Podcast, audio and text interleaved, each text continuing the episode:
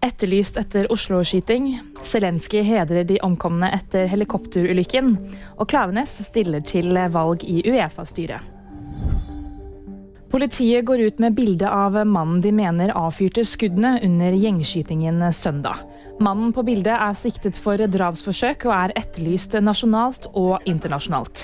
Vi gjør det for, uh, i håp om at det skal gi viktig informasjon inn til saken nå. Han er fortsatt ikke pågrepet, uh, og vi håper at det skal bidra til uh, å finne han, men også at det kan gi annen viktig informasjon inn i etterforskningen. Totalt tre menn har vært siktet for drapsforsøk eller medvirkning til drapsforsøk etter skyteepisoden ved Nationaltheatret natt til søndag.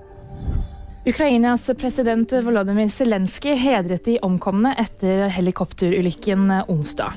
Presidenten ba World Economic Forum i Davos om å bli med han på ett minutts stillhet for å minnes de døde, og fikk hele salen til å reise seg.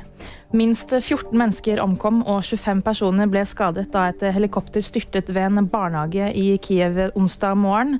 Zelenskyj sier i en videotale at tragedien skjedde som følge av krigen, og kan ikke omtales som en ulykke.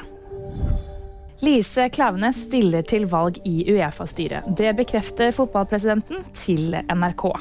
Valget blir i Lisboa 5.4 under Uefa-kongressen, hvor det skal velges ni styremedlemmer. VG-nyhetene fikk du av meg, Anna Julie Bergesen.